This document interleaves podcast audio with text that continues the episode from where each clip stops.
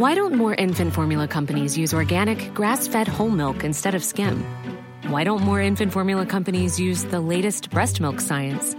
Why don't more infant formula companies run their own clinical trials?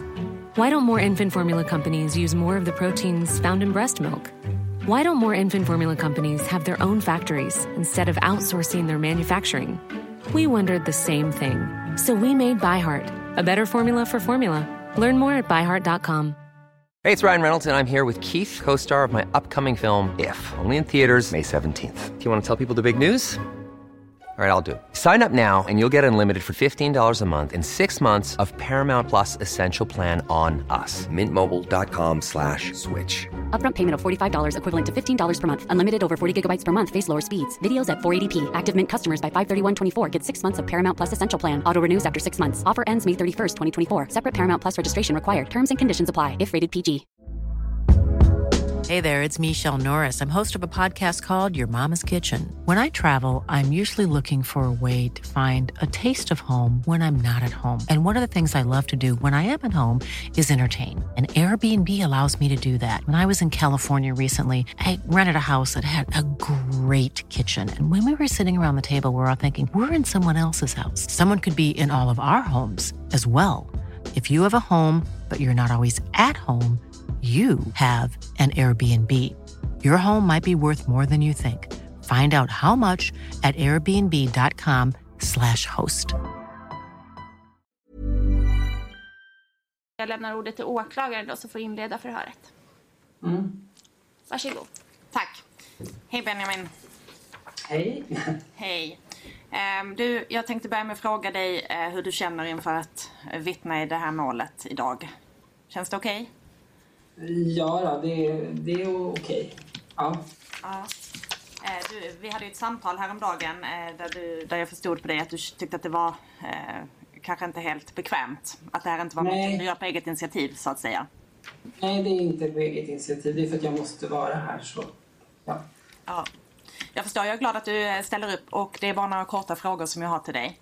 Okej. Vi har sett i, i den här utredningen att det finns eh, kommunikation från Hästnet om försäljning av en hästsadel. Eh, och jag har förstått att du är säljare av den sadeln. ja, det stämmer. Jag har sålt en sadel. Kan du berätta bara lite kort om hur det där gick till när du sålde sadeln? Eh, Ja, jag eh, la upp en annons och så blev jag kontaktad av en, en eh, köpare eh, som eh, då i, i själva tjänsten eller hemsidan hette Ja- Jasmin. Eh, och eh, ville köpa min sadel och frågade om priset gick och, och diskutera något. Eh, och eh, ja.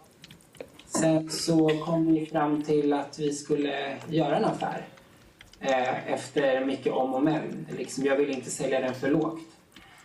Ehm, och vi planerar att, eh, att mötas upp och, och göra den här affären. Jag påtalar att jag vill ha betalt via Swish. Ehm, men det visar sig efter ett tag att det inte är han eller hon. Jag vet inte om Jack Jessemin är en tjej eller kille. Men att den personen inte ska möta upp utan det är en tjej. Och då tänker jag att det kanske är någon släkting eller någonting. Liksom, att det kan ju vara en familj. Men då är det en kvinna som ska möta upp mig. Um, och då har vi kontakt via sms. Då, då. Um, ja, och... Eh, Spelningen. Och jag lämnar ordet till åklagaren. Varsågod. Mm, tack. Eh, ja, det här gäller uthyrning av ett garage på Oxelgrensvägen 33. Ja, Jag har förstått att det är ditt garage att du har hyrt ut det. ja jag är delägare där. Vi är två ägare. Ja. Eh, vilken period var det som du hade det här uthyrt? I våras någon gång. Jag är lite osäker. Jag tror det var mars. Ja.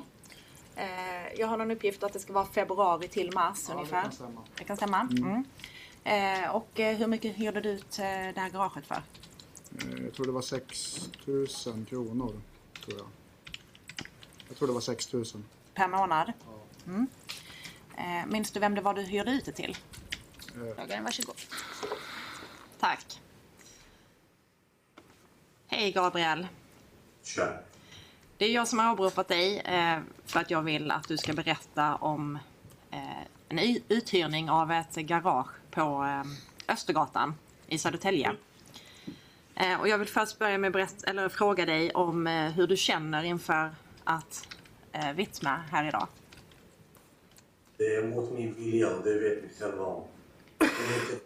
Det Ni hotade med att ni skulle plocka in mig hit. Så är det korrekt uppfattat att du vill inte medverka här egentligen? Absolut inte. Nej. Eh, precis. Eh, Så eh, har jag också fått uppfattningen att du känner, men eh, som du känner till så är man eh, skyldig att vittna när man åberopas. Eh, men jag förstår att det inte är någonting som du egentligen vill då. Och det förstår alla som lyssnar på det här vittnesmålet också. Jag vill ändå att du berättar lite kort om eh, vilken roll du har haft i, när det gäller det här garaget. Eh, För jag har förstått att du har varit eh, involverad i att hyra ut det. Ja, jag har bara skött uthyrningen. Min farsa äger fastigheter. Jag hyr ut. Så vi har flera fastigheter som jag hyr ut. Det är bara det. Ja. Eh, och eh, det här garaget det ligger ju... Eh, det sitter ihop med ett, en gul villa. Det stämmer bra. Det är en villa, ja. Ja, och eh, kan du beskriva, är det samma personer som har hyrt villan och garaget eller är det olika? Det är, ett garage under villan. Och eh, de som är i huset, de bor i huset och sen har jag hyrt ut garaget. Ja, till någon annan alltså.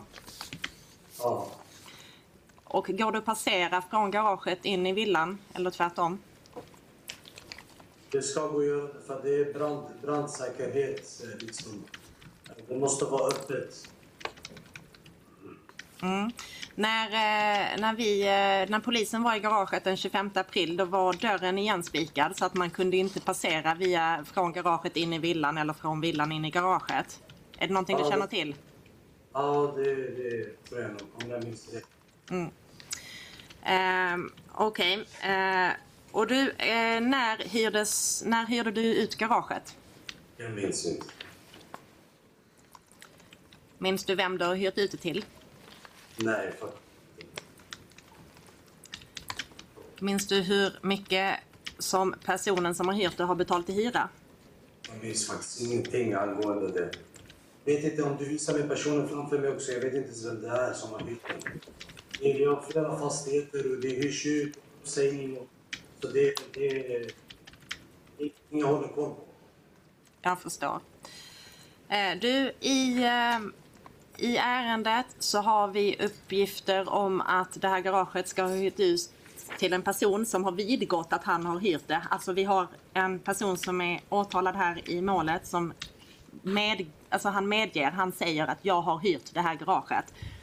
Eh, och eh, då finns det uppgifter om att eh, garaget ska vara uthyrt från månadsskiftet mars-april. Kan det stämma? Jag minns faktiskt inte. Okej. Eh, när du hyrde ut det, minns du om du lämnade ut någon nyckel till garaget? Om jag minns rätt så ska det ha varit en nyckel som jag har gett ut, ja. Finns det fler nycklar till garaget? Inte vad jag kommer ihåg. Nej. Och hur såg det ut i garaget när du hyrde ut det? Var det saker eller var det tomt? Det ska inte ha varit någonting när man hyr ut någonting. Förlåt, kan du säga igen? Det har varit någonting där i. Det var tomt? Det ska ha varit tomt när jag hyrt ut den, ja. Ja. Kan det ha stått någon hylla som i och för sig inte hade några saker på sig men att det var en hylla där man kunde ställa grejer? Jag kommer inte ihåg om jag ärlig. Nej. Hur, hur säker är du på uppgiften att det inte fanns massa kartonger och väskor och så vidare i garaget när du hyrde ut det? Det ska inte ha funnits saker i garaget när jag hyrde ut det. Nej. Hur kom du i kontakt med den som skulle hyra garaget? Förlåt? Hur kom du i kontakt med den som skulle hyra? Hur fick den kännedom om att det fanns ett garage Jag la ut på Facebook och på Blocket, så jag kommer inte ihåg vilket av Nej. Du, i förhör som hölls med dig den 26 februari, nej förlåt, 26 april. Ehm, jag säger här till de som sitter i salen att det förhöret finns nedtecknat i eh, en protokollbilaga som eh, heter förhörsbilaga. Det finns på sidan 6 och jag tänker eh, redogöra för dig lite vad, eh, vad som finns antecknat här så får du säga om du har sagt så i samband med förhöret ja. eller om det inte är så. Okay. Eftersom du inte minns idag. Um, då står det i andra stycket i det här förhöret antecknat. Um, de första kontakterna skedde på Facebook Messenger, därefter via sms till ett telefonnummer som slutar på 0268. Eh, och eh, förlåt, innan, innan det här så står det också att en man vid namn Rabi tog kontakt och var intresserad av att hyra garaget. Minns du om det är någon person som heter Rabi med ett nummer på 0268 som har hyrt garaget? Nej, faktiskt inte. Jag kommer inte ihåg något av det hela. Så jag vet att jag hyrde ut den, men när du säger Facebook då har det varit troligtvis via Facebook. Mm. Och har du gett något telefonnummer? Det kommer jag absolut inte ihåg. Nej. Om, du, om det här, de här uppgifterna med Rabi och det här telefonnumret finns nedtecknat i förhöret hos polisen, har du, tror du att du har sagt så till polisen då? Det vet jag inte. Om det står så då har jag sagt någonting, men inte vad jag minns. Nej. Har du själv varit i det här området under april månad? Alltså har du bott i närheten eller rört dig där eller varit och gjort någonting i villan eller i garaget? Jag bor i Södertälje så jag rör mig där och mina hyresgäster bor ovanför. Så troligtvis, om jag vet inte och jag minns inte, men troligtvis har jag rört mig. I området? att jag har rört mig där, ja. Mm. Men ingenting av att jag minns. Om jag kan inte säga till något datum eller något. Nej. Minns du om du har sett någon under den här tiden då du har hyrt ut garaget? Har du sett om någon person har varit i garaget eller rört sig in och ut från garaget? Jag ser knappt mina hyresgäster. Det, det känns som ett uh, spökhus. Så nej, jag har inte sett något. Okej. Okay. Mm.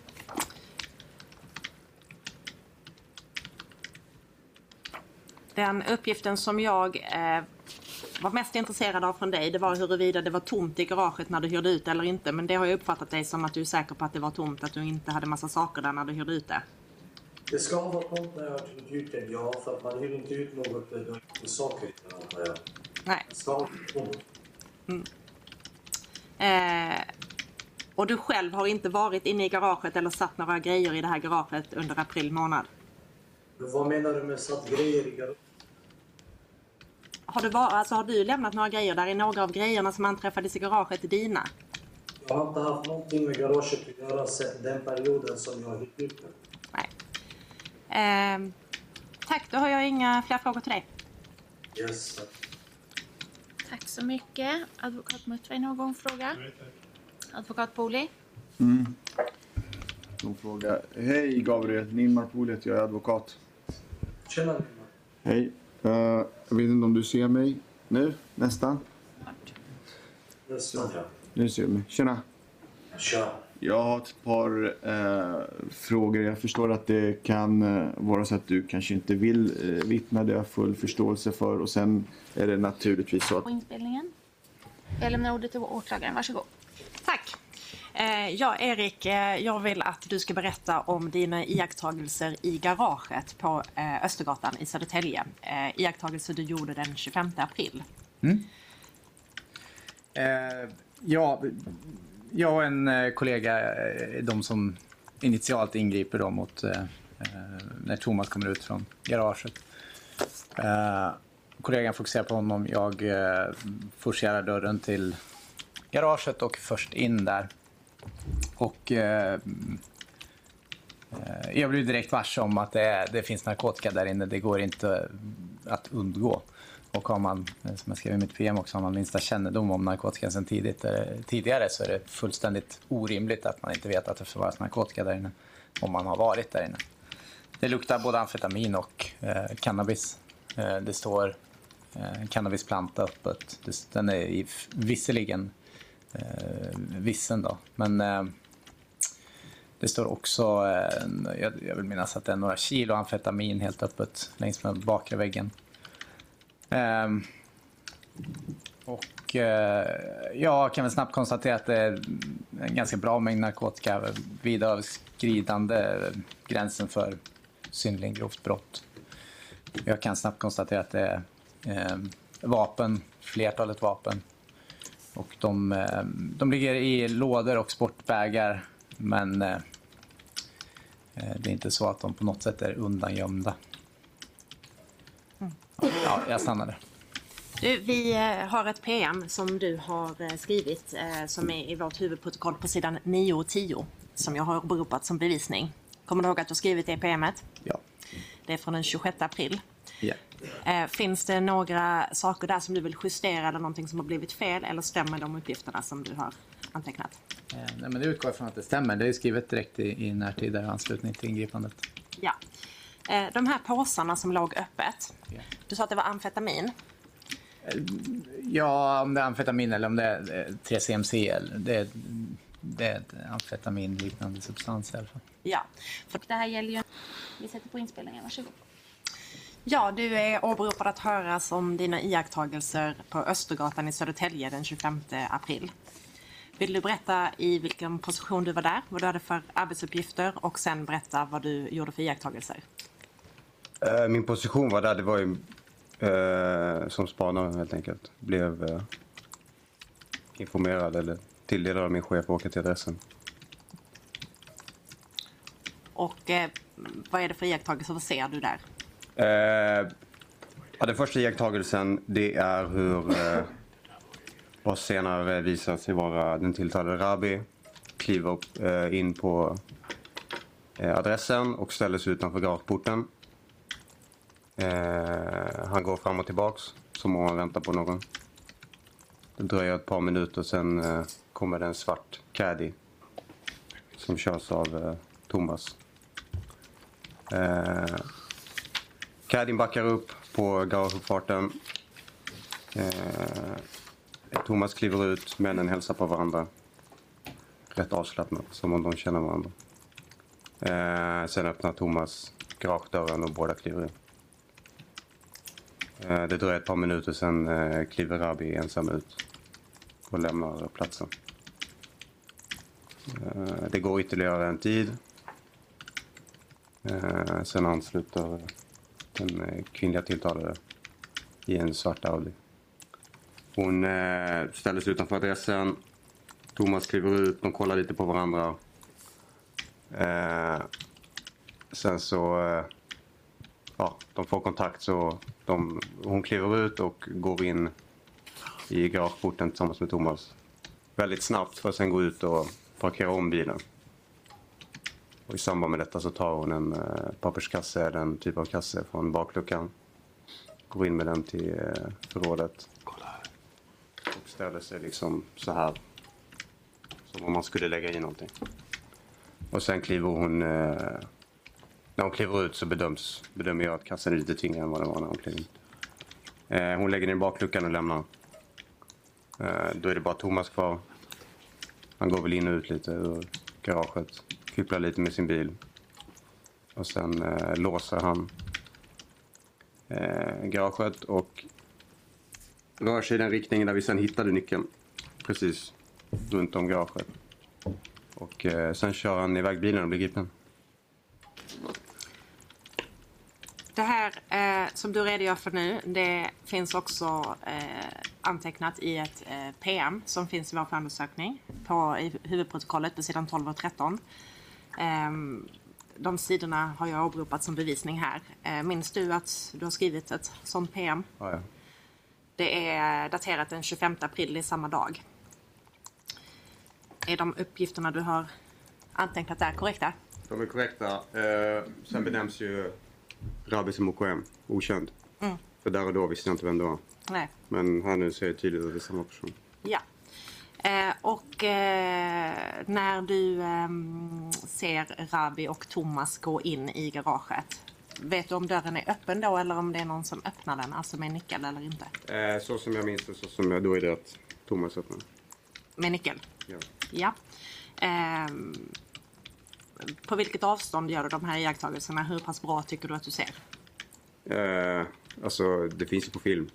Så det, man ser ju att det är fritt och klart tydligt. Avståndet kan jag inte bedöma, men tillräckligt för att se. Jag kunde till och med se att eh, nyckeln hade en, eh, vad heter det, kapsylöppnare. Mm. Från det avståndet jag såg. Som sen bekräftades när vi tog nyckeln. Så väldigt tydligt. Ja. Eh, du har inga fler frågor. Tack så mycket. Tack så mycket. Då ska vi fråga om någon av försvararna har några frågor, advokat Muttvej. Ja, jag har en fråga. Hej. Hej. Eh, när man tittar i din promemoria så ser man att du klockan 11.30 observerar hur en då för dig tydligen okänd man kommer till garageporten. Har du varit där lång tid innan du ser detta? Eh, jag kan inte säga tidsmässigt faktiskt. Vad sa du? Jag kan inte säga tidsmässigt. Ja, Frågan är nämligen eh, betingad av eh, ifall du lägger märke till ifall Thomas kommer med saker och sen lassar ur dem i garaget. Om jag... Har sett det?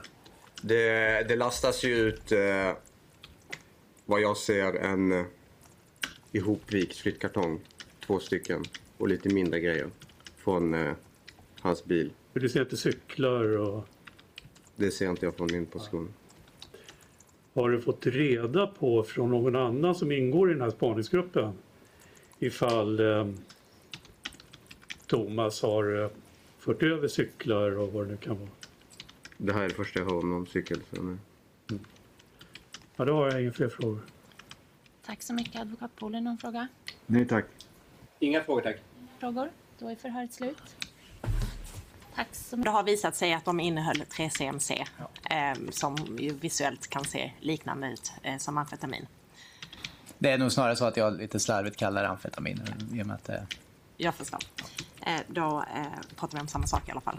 Ja. Eh, du, jag har eh, inte några fler frågor till dig. Tack. Tack så mycket. Eh, advokat Muttvej, någon fråga? Nej. Eh, advokat Poli? Ja. Någon fråga. Hej Erik. Hej. Eh, Nilmar Pohl heter jag. Jag är advokat. Det. Jag bara, korta frågor. Ehm, jag tänkte, du går igenom det här garaget, eller hur? Ja. Okej. Och så går du igenom liksom det som ni hittar som, som är narkotika och sen hittar ni vapen också tror jag, eller hur? Mm. Kan det stämma? Mm. Är du med och um, tar de här grejerna så att säga och ser till att de kommer bort från det här garaget om man får uttala sig Ja, lite så? jag, jag är med och lastar ut eh, delar av beslaget. Ja. Okej, och vad, vad gör du när, du när du lastar ut de här sakerna och när du kollar vad det är och så? Vad gör du då? Är det något särskilt? Jag, är- jag vet inte hur specifik jag ska vara. Jag gör ganska många saker samtidigt. hanterar du de här beslagen? Jag hanterar dem eh, för att säkra så mycket DNA som möjligt. Jag byter vinylhandskar mellan varje enskilt beslag. Jag använder munskydd. Ehm, Du, du byter vinylhandskar mellan varje enskilt beslag. Vad innebär det? Det innebär att jag eh, tar av mig dem jag brukar mot ett beslag och tar på mig ett par nya från en, en ren och ny burk eller pappkartong. Okej, så om du tar till exempel en kartong så har du på dig vinylhandskar. Eh, och sen om du ska ta den här andra kartongen då lämnar du liksom bara inte ifrån den utan då byter du? Okej. Ja, ja, men det, varför gör man så? För att inte, i det här fallet, då inte korskontaminera med någon, någon DNA eller något annat. Och vad, vad innebär det på ren svenska? Alltså Att korskontaminera? jag ska föra vidare något spår från ena kartongen till den andra. Att ska Går det att göra så eller? Eh, Jag, är ingen, jag ska inte uttala mig om sånt, eh, utan det här är vad jag är lärd att göra. Eh, Jag är inte en kriminaltekniker, så att Nej. den frågan. Jag gör vad jag är lärd att göra. Så ni är lärda att när ni tar hand om ett beslag då har ni på er vinylhandskar och mask. Men sen om ni ska ta något annat för att undvika att eventuellt liksom överföra DNA från ett beslag till ett annat så byter man handskarna helt enkelt. Det är så jag är lärd. Okej. Ja, då har du svarat på min fråga, tack. Tack så mycket. Några frågor? Inga frågor. Inga frågor? Då är förhöret slut. Man kanske inte minns vissa saker. Eh, På åklagarens fråga sa du spontant att det ska, eh, det ska ha varit tomt i eh, den här, det här förrådet. Jag kan väl säga så här, och du har nog förstått att man har hittat vissa saker. Eh, både vapen och narkotika och det är ju eh, brottsligt. Det kan man ju räkna ut. Och det finns nog ingen här inne och inte jag heller som påstår att du på något sätt har liksom tagit del av det. Så jag vill bara klargöra så att det är inte att jag misstror att du har gjort någonting där. Eh, så att vi kan ha den liksom det klarlagt. Men du sa spontant att det, ska ha varit tomt i det här förrådet. Och att det är rätt naturligt att man, när man hyr ut ett förråd, att det, det ska ju vara tomt, eller hur? Men kan det finnas här vissa saker som ändå har varit kvar där? Alltså även om det har varit tomt och man kan använda det. Kan det finnas vissa saker som har funnits där som du liksom inte, eh, som du inte har kontrollerat eller som du inte har kommer, kommer ihåg och så vidare? Den ska ha varit helt tömd.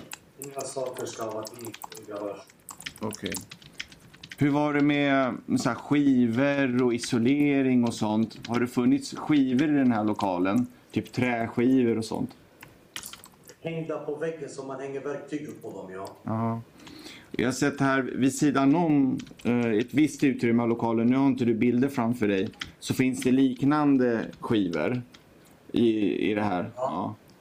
Kan det vara så att det fanns ytterligare saker, bortsett från det som man hade hängt upp på väggen, då, de här skivorna? Vad menar du då? Jag Fa- Fanns det ytterligare skivor i det här förrådet? Kan det ha fu- funnits ytterligare skivor som du inte kommer ihåg? Alltså bortsett från det man hade hängt upp på väggen. Förstår du min fråga? Det fanns ju skivor som man hade hängt upp på väggen, eller hur? Isoleringsskivor till exempel, det är det som du har svarat på. Ja. Ja. Utöver det som hängde på den väggen där, fanns det i det här förrådsutrymmet, fanns det sådana skivor i någon annan del av lokalen? Eh, Det finns ju en dörr som går upp mot villan. Men Den var ju spikad och stängd för och där var det en till, det fanns en toalett som man kunde gå upp till. Mm. Så det ska vara, det är en gipsvägg, ja. Ja, okej, jag förstår. Av trä. Ja, Men man har inte haft tillgång från den från garaget. jag förstår. Ehm, kommer, du, kommer du ihåg eh, den personen som du skulle hyra ut till? Vad den personen skulle använda lokalen till? Ja, han sa att han skulle använda det för eh, hobbyverkstad. Ja. Och jag kan säga att killen var väldigt ärlig. Eh, väldigt liksom ödmjuk. Jag, jag, jag hade inga misstankar eller någonting. Ja. Ja, Det var liksom, han skulle bedriva eh, liksom en eh, hobbyverkstad. Mm. Det var byta däck och sånt där. Men eh, Mm. ja, sen vet jag ingenting mer med det. Det var byte av däck sa du? Ja, till exempel. Ja. Byta bromsar, byta däck. Ja. Alltså, som man håller på med i en hobbyverkstad. Mm. Där det inte krävs liksom eh, en massa arbete. Ja. Uppfattade du honom eh, som seriös?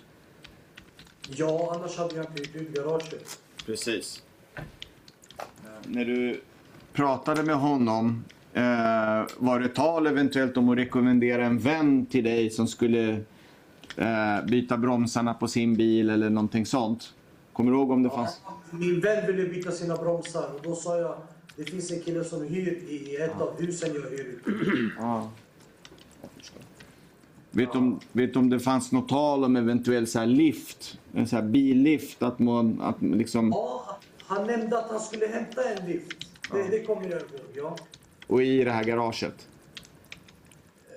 I garaget, tror jag. Ja, det, ja, självklart. Det måste ha varit. Ja, nej, nej, men jag, bara, jag kan ana det, men jag vill bara höra om det, om det var på det sättet.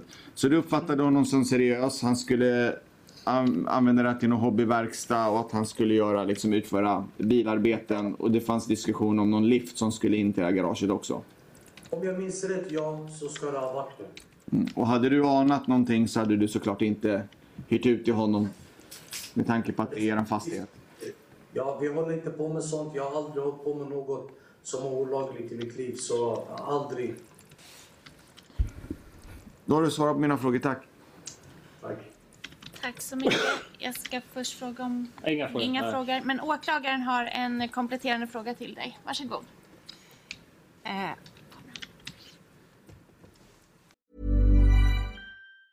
This Mother's Day, celebrate the extraordinary women in your life with a heartfelt gift from Blue Nile. Whether it's for your mom, a mother figure, or yourself as a mom, find that perfect piece to express your love and appreciation. Explore Blue Nile's exquisite pearls and mesmerizing gemstones that she's sure to love. Enjoy fast shipping options like guaranteed free shipping and returns. Make this Mother's Day unforgettable with a piece from Blue Nile. Right now, get up to 50% off at BlueNile.com. That's BlueNile.com. Hey, it's Ryan Reynolds, and I'm here with Keith, co star of my upcoming film, If, only in theaters, May 17th. Do you want to tell people the big news? All right, I'll do it. Sign up now and you'll get unlimited for $15 a month in six months of Paramount Plus Essential Plan on us. Mintmobile.com slash switch. Upfront payment of $45 equivalent to $15 per month. Unlimited over 40 gigabytes per month. Face lower speeds. Videos at 480p. Active Mint customers by 531.24 get six months of Paramount Plus Essential Plan. Auto renews after six months. Offer ends May 31st, 2024. Separate Paramount Plus registration required. Terms and conditions apply if rated PG. Ja, du, jag tänkte bara på en sak. Du förklarade tydligt att du inte vill vittna. Kan du berätta om hur det kommer sig? Är det någon särskild anledning till att du inte vill vittna? Nej, men det är normalt. Vi alla vet vad det är som pågår i Sverige. Jag har en familj och liksom, jag jobbar, jag betalar min skatt. Jag har inget annat intresse än att bara leva mitt liv fritt. Mm. Det är ingenting mer med det och jag har sagt jag vill inte vittna. Ni hotar mig med att ni ska hämta mig hemifrån från min arbetsplats. Och tjejen som eh, ringer är väldigt dryg och irriterande och säger betala 4 000 om inte du dyker upp. Och, och nu liksom, det, det, det har inte varit trevligt någonstans på världskartan. Okej. Men du, eh, jag förstår. Jag vill också fråga dig om det har någon tagit någon kontakt med dig för att få dig att inte vittna? Förlåt. Är det någon som har tagit någon kontakt med dig eller försökt påverka dig att inte vittna? Eller är det bara din, din egen uppfattning att du inte vill? Självklart, alla runt om mig, min familj, ingen vill att jag ska vittna. Det är normalt, det är så det ser ut i dagsläget i Sverige. Har du blivit hotad på något sätt? Inte vad jag känner till. nej. Okej. Tack. Då har jag inga fler frågor. Så, då tackar vi dig så mycket Gabriel och förhöret är slut. Vi sätter på inspelningen. Varsågod. Tack. Hej Niklas. Hejsan. Hej, du, jag har åberopat dig eh, för att jag vill att du ska berätta om eh, Rawa Majid och nätverk Foxtrot. Eh, en liten sammanfattning. Ehm, och först kan du väl kanske börja berätta själv vad du har haft för roll i eh, utredningar kring det nätverket och den personen. Ja.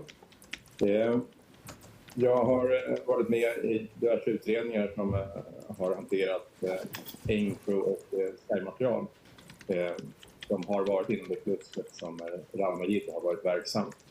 Eh, Så att, eh, jag har dels jobbat med, med ärenden runt omkring honom som person men även då runt personer under honom i hans organisation. Eh, och sen så har jag väl, eh, ja, följt eh, en del andra ärenden eh, som har skett eh, även under eh, tiden efter Encro och mm. När började du eh, med utredningar eh, där personer i det här nätverket var misstänkta? Det var efter sommaren 2020 när vi fick då Encro-materialet. Eh, ungefär- Man får ett datum tror att det var i eh, september, oktober 2020. Och har du gjort det konstant sedan dess eller hur har det sett ut i tiden därefter?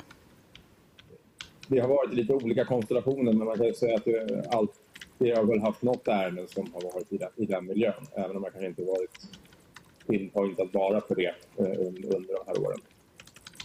Skulle du säga att eh, du har en eh, god kännedom om nätverket eller hur, hur beskriver du det själv? Ja, absolut. Det, det, det får man anse att jag har. Mycket god kunskap. Mm. I det här ärendet så har jag åberopat ett PM. Jag säger till rätten att det finns i vårt tilläggsprotokoll 2 på sidan 5 till 29. Eh, Det har jag åberopat och jag har gått igenom det sakframställningsvis eh, mycket kortfattat och hänvisat till det. Eh, Du vet vilket PM jag menar, eller hur? Ja. Ja. Det är ett PM som NOA står bakom. Har du haft någon roll i, i det PMet? Jag har varit delaktig i framtagandet Ja. Mm. Kan du då eh, själv eh, redogöra för eller berätta lite grann om eh, vad är Foxtrot för någonting och vad har Rawa Majid för ehm, position där? Mm. Om vi börjar med, med Rawa Majid så började eh, få material från Encro. Vi kunde väl se att det var ett släktbaserad reklamliknande upplägg på hans eh, brottsnätverk. Det vill säga att han hade familj eh, och närstående som eh, hjälpte till med att tvätta pengar och eh, organisera hans brottslighet. Men sen så att han även knöt an sig personer som i sin tur var knutna till olika kriminella nätverk. Vi har sett att flera av dem har han suttit på anstalt tillsammans med. Och sen när han kommit ut så har han haft kvar de kontakterna och sen börjat leverera då narkotika till de här Eh, personerna. Och i och med att han då har kopplat om personerna så har han även fått på de nätverken allierade med sig kan man säga. Eh, vilket har varit ganska våldsbenägna eh, nätverk över tid. Och så här kan man ju säga att det är lite mer projektbaserat verks projektbaserad verksamhet när man ser då utifrån de här allierade som man har. Eh, den delen var inte lika stor i början, för då var det mer den här kärnan som var runt omkring honom. Men i och med att verksamheten har växt så har det gått över från att vara släktbaserat till att vara mer projektbaserat. Det vill säga att det har knutit an sig ganska stora eh, personer inom stora nätverk, till exempel Bandidos, Bronätverket och Zero-nätverket. Mm. Och vad är det för typ av brottslighet som eh, han ägnar sig åt? Eh, I början kan man säga att det, det var narkotika som vi fokuserade väldigt mycket på. Eh, det var ju den som jag säger högt straffade på och den vi jobbade mot. Däremot så var det väldigt mycket snack om eh, vapen. Eh, vi såg att de hade vapendepåer, lånade ut vapen, tillhandahöll vapen vid våldsbrott men även liksom tog på sig kontrakt att utföra våldsbrott. Men just de som hanterar de här FTP-telefonerna i Encro och Skybox ganska högt upp i hierarkin. Det är sällan de som själva utför någonting utan på den nivån så handlar det mer liksom om att man diskuterar om att man kan fixa fram en unge eller eh, ja, fixa fram vapen eller göra andra saker för att utföra våldsdåd. Men själva planeringen av utförandet av våldsdåd skedde inte så mycket i de matcherna. Så där var det mer att man pratade om eh, ersättningar och, och vem skulle stå för kostnader och vem skulle ordna fram olika saker. Det är mer organisatorisk roll i det här. Sen så kunde vi även se att man använde andra krypterade tjänster parallellt med det här. Så att lite beroende på vem som är motparten i en organisation så styr det lite grann vilka användarnamn och vilka chattfunktioner man använder. Eh, så att eh, kunde man se att jag kanske hade kontakt med någon huvudleverantör i Holland då, om vi pratar om Rava. Eh, och sen så några av dem som de här allierade som man hade då, som blir en form av försäljningsorganisation, det vill säga att de form av mäklare. Om Rava beställer hem ett stort parti från, från Holland, kanske tar hem ett halvt ton narkotika från landet temporärt, så har de redan försålt den narkotikan när den kommer in i, i Sverige. Alltså att de har kunder i sin tur. Så att när Rava får in sitt fall, då har han en transportör som han själv styr över. De kör ut de här mindre posterna eh, land och rike runt mer eller mindre till de eh, kunder då, som hans underorganisation har eh, meddelat honom. Och sen så är det underorganisationen som sen ansvarar för att samla in pengar och leverera dem till, till en växlare eller vad det nu är för någon mottagare som, som RAV vill ha. Och de här mottagarna kan variera lite grann eh, över tid. Det verkar även att vara flera parallellt som man har tillgång till. Mm. Och hur pass omfattande är den här eh, narkotikaorganisationen enligt din bedömning? Ja, men den, den är ju ledande i, i, i Norden i alla fall och eh, vad vi kunnat se så det handlar det kanske om ett halvt ton narkotika eh, varannan vecka. Någonstans i den frekvensen har vi kunnat se här eh, under senare tid och det har ju tagits väldigt stora beslag också ifrån den här miljön. Och det är ju också någonting som tyder på dess kapacitet att om vi tar ett halvt ton narkotika så då måste de ju ersätta det inkomstbortfallet med åtminstone kanske det, det tredubbla eller dubbla Eh, för att gå break even. Eh, men det har ju aldrig varit något bekymmer för dem. Jag har aldrig sett... Visst, de är lite irriterade när de blir av med framförallt pengar men ingen större irritation. Utan liksom det, det, det är någonting de eh, räknar med och kan fortsätta oskadade. Eh, sen så leder det ofta till konflikter, de här beslagen. Det blir ju, kan ju bli ekonomiska meningsskiljaktigheter. Och i och med att det är väldigt våldsbenägna personer som man har att göra med och att han själv är väldigt nära till våld så blir det snabbt eh, explosiv eh, våldsanvändning. Det kunde vi se när, när eh, våren 2022 när han kom i konflikt med, med Bandidos. Det var inte särskilt många dåd som kommer från Bandidos sida, även om de eh, har väldigt stora muskler. Så blev det eh, ganska enkelriktat krig med ett flertal mord och mordförsök. Och eh, det var även pansarskott som eh, vi kan knyta till, till Ravas organisation som var eh, i omlopp som man satte händerna på, på 17-åringar som skulle åka iväg och, och skjuta med dem påtända. Nu sa du mord och mordförsök. Ehm, det kan man ju utföra på olika sätt. Har ni samma skjutvapen i den här organisationen? Ja, vi har ju kunnat ta ganska stora beslag av vapen. Man har kunnat se att de har kan man säga, vapendepåer som vi kan knyta till det här där de har eh, ett antal vapen som ligger och sen så går de dit och hämtar ut vapen när de ska, ska använda det och sen så lägger tillbaka det. Lånar även ut andra kriminella nätverk och man byter mellan kriminella nätverk för att tvätta vapnen. Man inte vill ha vapen som man har använt själv vid eh, våldsdåd utan då lämnar man vidare så det blir svårare att spåra vapen våldsdådet till eh, personerna som har vapnet. Mm. Något annat? Det är en omfattande hantering. Ehm, det är skjutvapenvåldet. Är det något annat typ av våld som du kan eh, se att den här organisationen ägnar sig åt? Eh, ja, det är väl alla typer av våld, eh, våldsanvändning. Det är ju, man använder spräng, ja, bomber, alltså handgranater, termosbomber, utlösta bomber. Man använder ju, ja, nu under den här de här konflikterna som har varit högaktuella under senare tid så har det varit ganska eh, stor kvantitet på våldsdåden. Nu har det kanske en kvalitet. Eh, att man vill skjuta på så många som möjligt och då har det blivit att man kanske skickat iväg småbarn med, med bensindunkar bara för att elda upp någon. För att liksom, ja, skada släktingar. Så att, det, det, är ju en, det är en helt ny eh, våldskarta som det här nätverket har ritat upp som inte har funnits tidigare. Och den här gränslösheten som man har kunnat eh, se med, med att man flyger på då ganska periferia släktingar. Och, eh, det kan ha varit utan de, de inblandades kusiner eller till och med liksom folk som inte är direkt släkt med överhuvudtaget utan som är ingiftsläkt som man flyger på. Du nämnde mm, fjärrstyrda bomber om jag hörde det rätt. Ja. Ehm, på vilket sätt eh, kopplade du det till eh, den här organisationen?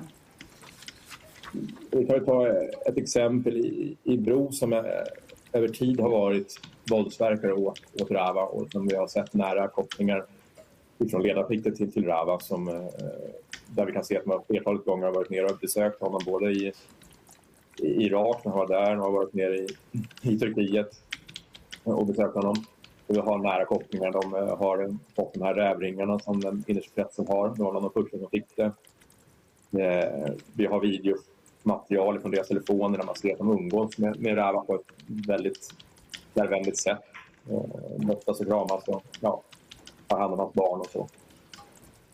Men i den miljön ursäkta, så gjorde vi ett vapenbeslag hösten eh, 2022 eh, på Råbystigen i, i Bro och eh, då var det en eh, med tre bröder som heter Modi som eh, bor i Bro och eh, Yasin Modi en som varit inblandad i väldigt många olika våldsbrott och inte blivit dömd men, men återkommer frekvent som, som misstänkt i, våldsdåd. Eh, vi hade misstänkt på honom och gjorde en husrannsakan hemma hos hans familj.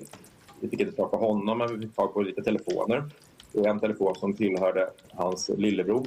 Den kunde hittade filmer från ett förråd eh, som såg ut som var ett ganska simpelt utomhusförråd där de hanterade vapen och narkotika och även sprängmedel och eh, bomber, eh, ja, attraller. Vi lyckades lokalisera det här vapenskåpet, eller vapenförrådet och där inne så låg det två pistoler, eh, en eh, albansk kalasjnikov och sen så även ett eh, prickskytte, militärt prickskyttevapen. Eh, vi hittade även eh, sprängdeg där inne. Och eh, under den här insatsen kunde vi även eh, gripa den här lillebror Abdelatif eh, under pågående insats. Och då kom vi in hans telefon under insatsen också och den gav oss ytterligare en person. Och då såg man att nätverket höll på att chatta om det här förrådet. Och det var väldigt tydligt att det var ett gemensamt förråd som provnätverket hade ansvar för. Eh, men då kunde vi ta in ytterligare en person som kunde knyta till förrådet. De här vapnen hade, det var ett av vapnen hade använts vid en skjutning nere i Sätra. Där, eh, eh där det, all, bakgrunden till det motivet tror vi är att det sker en skjutning uppe i Uppsala mot en eh, släkting till Rava. Och eh, det är Yassin som är nere i Turkiet vid det här tillfället. Han eh, frågar en advokat om uppgifter om den häktade i det här målet. Eh, under tiden som han gör det så har man plockat upp två stycken skyttar från Borås och satt dem på ett hotell. Eh, det, svaret dröjer från advokaten för att domstolen var stängd i tillfället. Så jag fick vänta över helgen och var tvungen att boka om de där skyttarna och byta hotell och förlänga bokningen. Eh, sen på måndagen när han får svaret ifrån eh, advokaten, eh, ett dagboksblad, eh, där det framkommer då vem som är häktad. Då gör de en, en protokollslagning och rättsuppslagning på personen. Eh, och eh, skickar skyttarna till... Ursäkta Niklas, bara att jag avbryter. Jag ska bara fråga åklagaren, kommer vi någonstans ställa bäring på det här? Är det, Ja, det här är i enlighet med plan? Ja, det är helt i enlighet med plan för det handlar om vad som de här vapnen och sprängmedlen skulle användas till. Ja, jag tänkte bara att vi var långt utanför. Men varsågod och Niklas, fortsätt. Mm. Ja, det här är ju kärnan i nätverk också, att säga, hur man använder vapnen som, som jag pratar om. Så det är syftet. Eh, det är som sagt, och då, då åker skyttarna ner direkt och skjuter då på, på den här lägenhetsdörren och de skjuter 21 skott rakt genom dörren och de har ringt på innan. Så det är en, eh, en tjej som är på insidan av dörren och lyckas kasta sig undan när, när vad hon upplever fyrverkerierna startar. Det är väldigt nära att eh, det var ett offer som föll även där.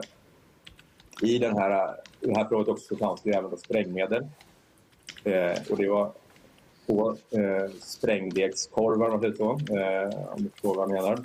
De var avsågade på mitten. Den andra halvan den hittades i Kungsträdgården eh, som en apterad bomb där. Eh, en fjärrstyrning på den. Eh, Förlåt, får jag bara den hade inte utlöst nu. Den här, vad, berätta säg det igen om Kungsträdgården. Vad var det för typ av bomb som anträffades i Kungsträdgården som kopplas till det här eh, nätverket? en fjärrutlöst, fjärrstyrd bomb. Eh, Så där halva, den, den sprängdegen som låg i förrådet var kapad på mitten. Den andra halvan låg i Kungsträdgården i den bomben. Som var... Och eh, fanns även fjärrstyrd. Ja. Så att, eh, och man kan ju se ett batteripack också i det här förrådet på de filmerna som jag hade i, i hans telefon. Som överensstämde med det som var i bomben och även kablar. Man kunde se liksom att man har haft delar som sen har blivit eh, där man har tillfört lite, lite till till det här. Så man hade vissa delar i förrådet, sen så är det någon som har tillfört det här. Nu så lyckas man ju inte få den att utlösa utan eh, det var eh, polisplantekniker som sköt sönder den. Och sen så hittar man även film på en, en väska eh, och där var det närmare fyra kilo eh, sprängmedel i den. Man sen, eh, den väskan hittar man sen nere i Jordbro, under en gran. Så där har vi en tydlig koppling då som man ser i, i flera våldsbrott mellan Sturnätverket och Bronätverket. Att de har hjälpts åt eh, och samarbetat under Rava. Eh, då har du eh, beskrivit eh, för oss så att vi förstår kring nätverkets våldsbenägenhet och hur de använder både vapen och sprängmedel. Eh, det finns också en brukaranalys i det här ärendet avseende alias Animal som jag har Mm. åberopat. Eh, känner du till vad det är för brukaranalys? Eh, inte 100% säker, men, men, men jag kan ju ana. Jag tror att det är du som har också varit med och tagit fram den tillsammans med andra personer. Den Ja. Ja, ja Eh, bra. Då vet vi vilken... Ja. Ehm, Då vill jag att du eh, bara kort berättar också om ehm, eh, det här eh, aliaset Animal, eh, ordet Fox och dess koppling till nätverket. Ja. Det här är anspelningar på de eh, alias som, som Ravajid har haft i olika krypterade tjänster. Eh, I början så hade han Fox Kurdish och Fox Planet. Och det är ju därifrån den kurdiska räven, det smeknamnet kommer ifrån. Då. En direktöversättning. Och eh, det här med Fox och räven är ju ett vapen som han har behållit och haft över tid. Men eh, i Sky eh, så hade han smeknamnet Animal eh, på sina konton. Och det är också ett eh, smeknamn som har, har levt vidare. Och det här återkommer. Eh, framförallt Animal återkommer eh, i signal men även Fox i olika utföranden. Okay. Och det är ju skarpt, skarpt förknippat med, med, med Rava. Och eh, under signaltiden så har vi ju kunnat se, eh, eller har vi ju kunnat identifiera hans röst i, signalkonton eh, som heter då, med, med Animal eller Fox i sig. Mm. Har du lyssnat på de ljudfilerna och har du varit med i identifieringen där? Ja. Eh, vi är ju några stycken som sagt har suttit ganska mycket med, med, med Sky-material där det finns väldigt mycket röstfiler eh, och sen så har vi även suttit med, med mobilstämningar och så vidare från det här nätverket där vi har kunnat se Rava på, eh, på filmsnuttar där han pratar och så vidare och kunnat då, eh, känna igen hans röst. Eh, han har en ganska säregen röst ändå som, man, som man lär, lär, lär sig. Okej. Okay. Tack Niklas. Då, jo, en sista fråga. I det här PMet på 25 sidor eh, som är eh, daterat eh, bara för några veckor sedan. Eh, finns det, du har tagit del av hela det PMet förstår jag? Ja. Finns det någonting där som eh, du eh, inte anser stämmer eller något som du vill korrigera eller kan du stå bakom de uppgifterna som finns i det PMet? Jag kan stå bakom det som finns i det PMet. Ja, tack. Då har jag inga fler frågor. Tack så mycket. Då ska vi fråga om någon av advokaterna här har några frågor till dig. Advokat Nej, Mutvej? Poli?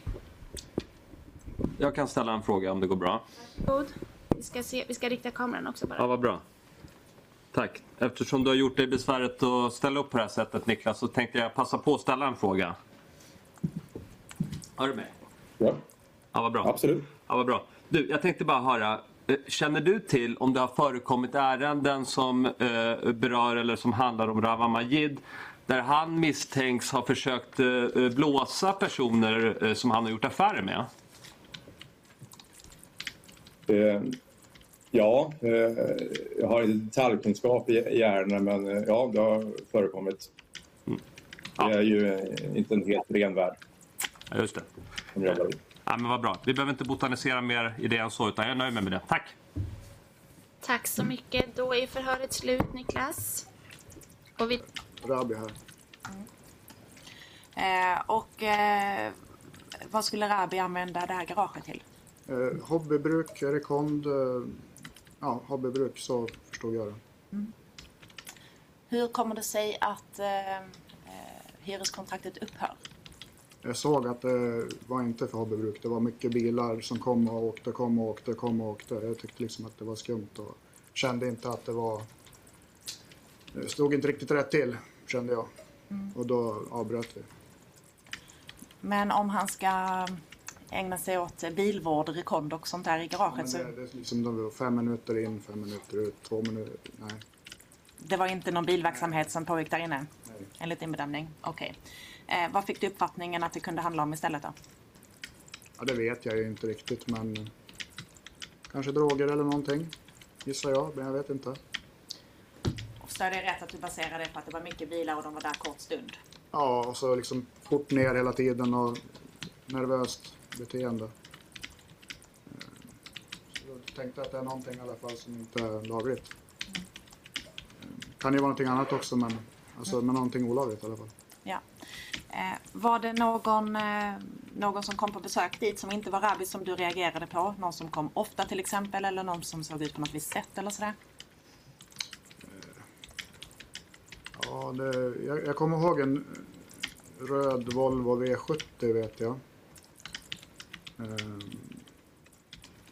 jag vet inte vad jag kan säga riktigt. Vem eller, eller, eller så. Um,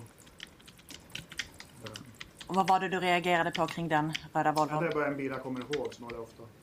Okej.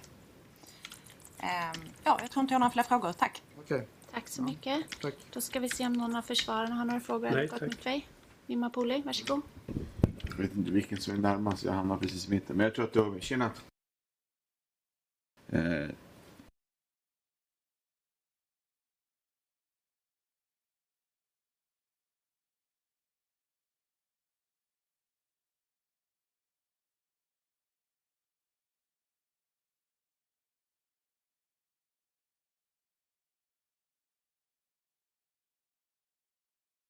säga. Kanske du kände till. Mm.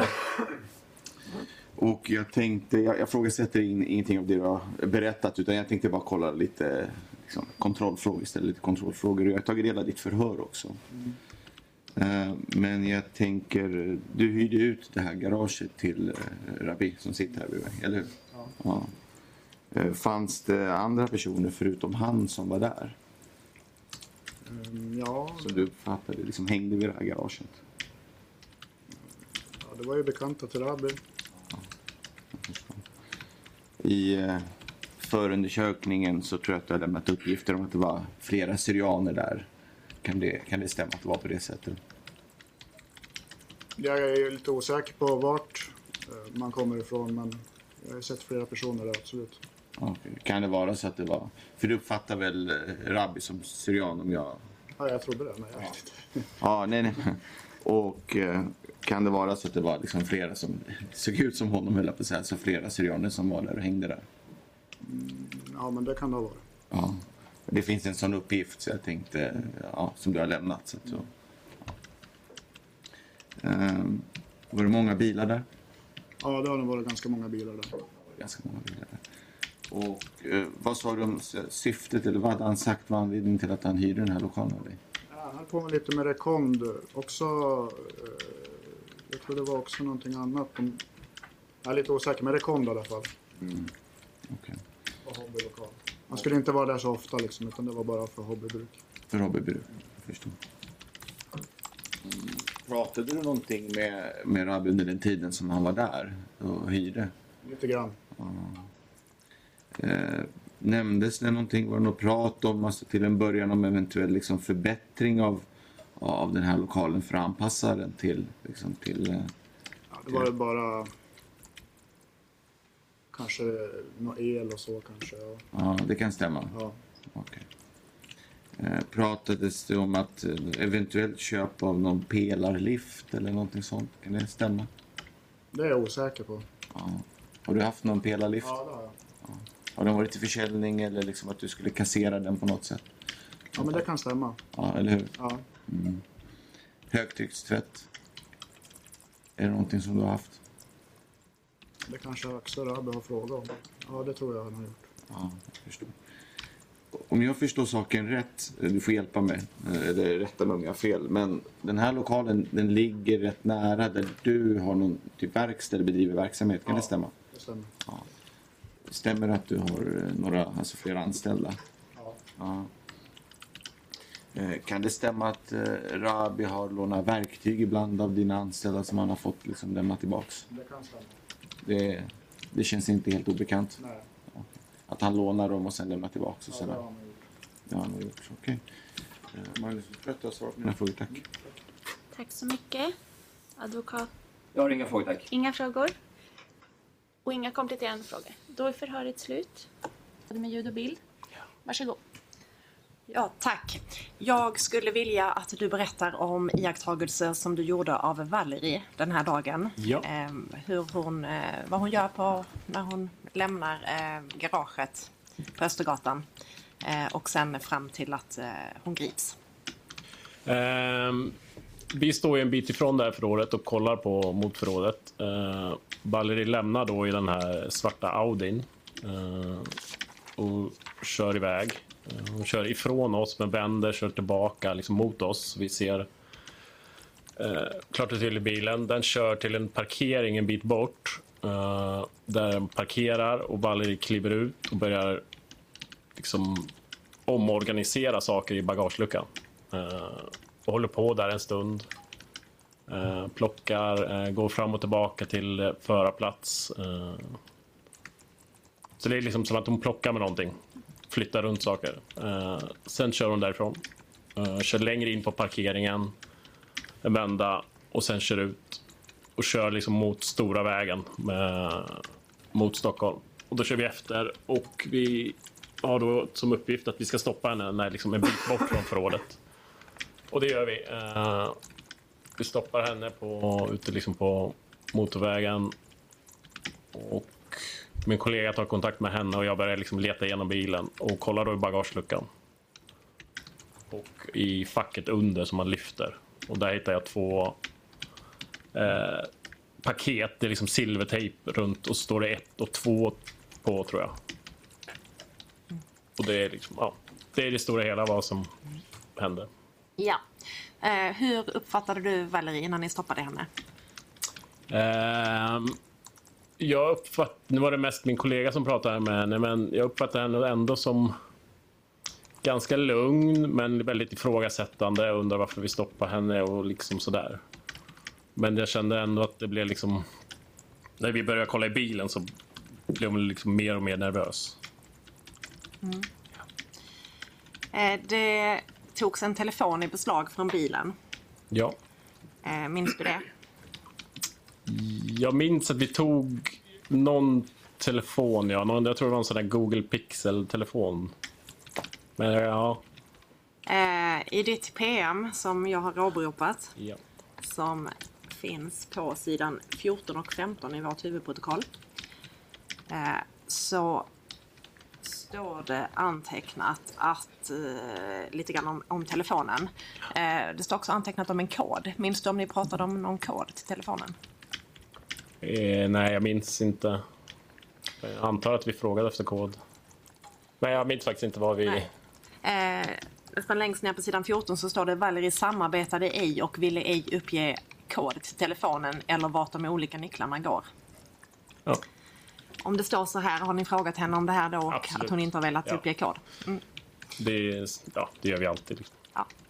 Eh, tack, tar inga fler frågor till dig. Tack så mycket. Då ska vi höra om någon av försvararna har några frågor. Inga frågor. Inga frågor. Då är förhör slut. Vi eh, ja, planerar att göra affären på ICA Maxi i, i Örebro, då, Eurostop. Eh, för jag brukar inte sälja eller bjuda hem okända folk till, till gård eller så.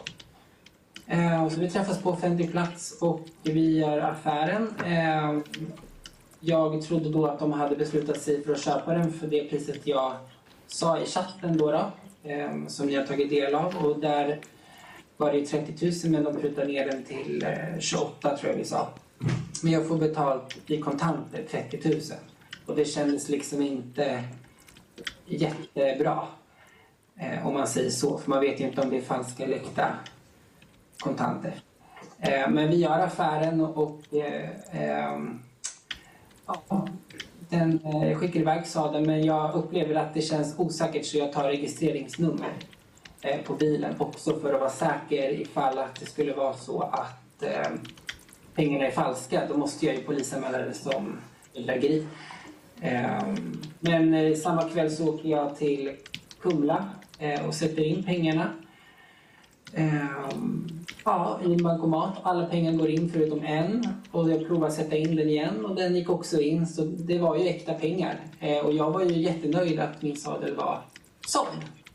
Eh, men det visade sig sen att jag hade fått betalt 30 000 kronor för mycket. Eller 30, nej, 2 000 kronor för mycket.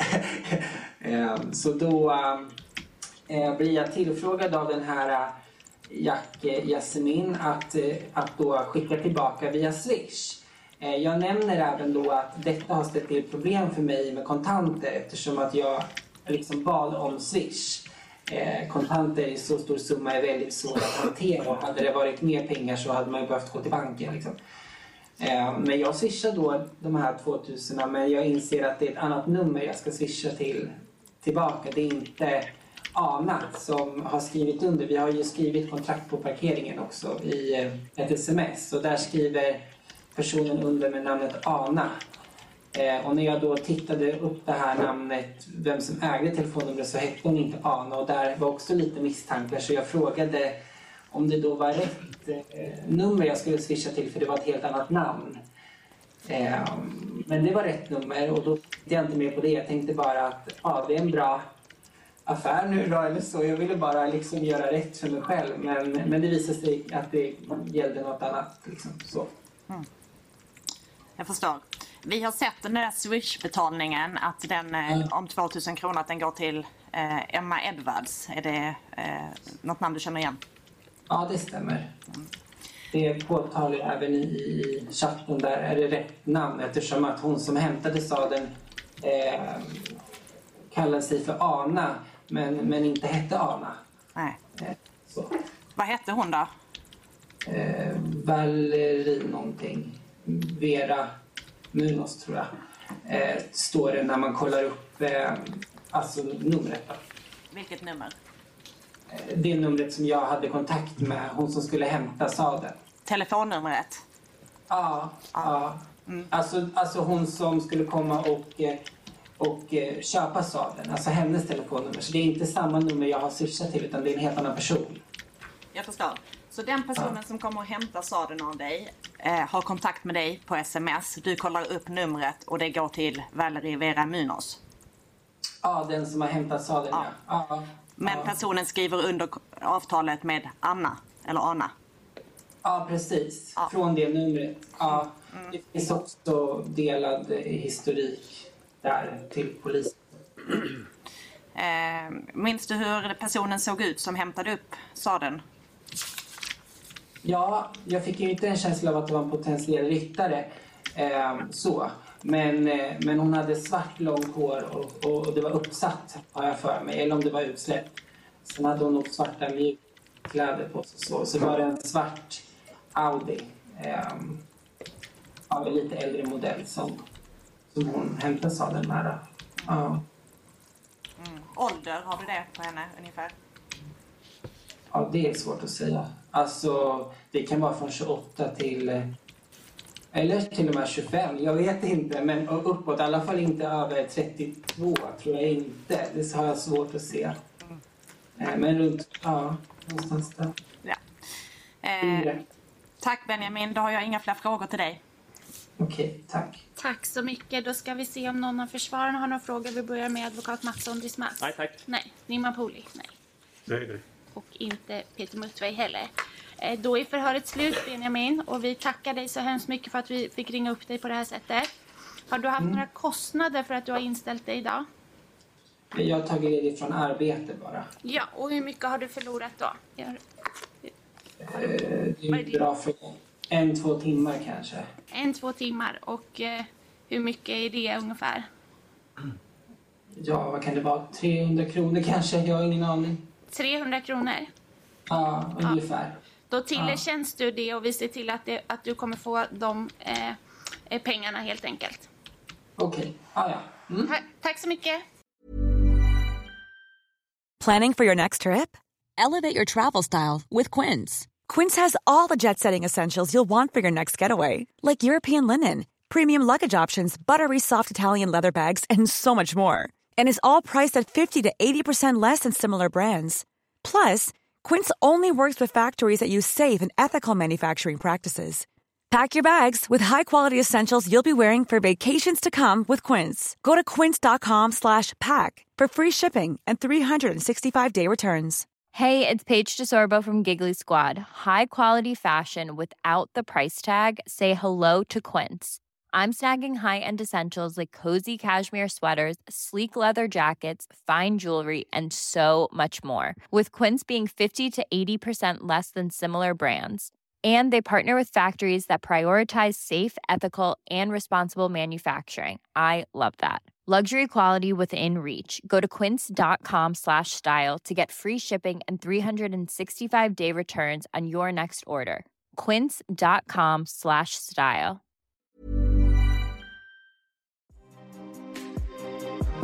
Tack för att du lyssnade och glöm inte att följa podden för att inte missa kommande avsnitt.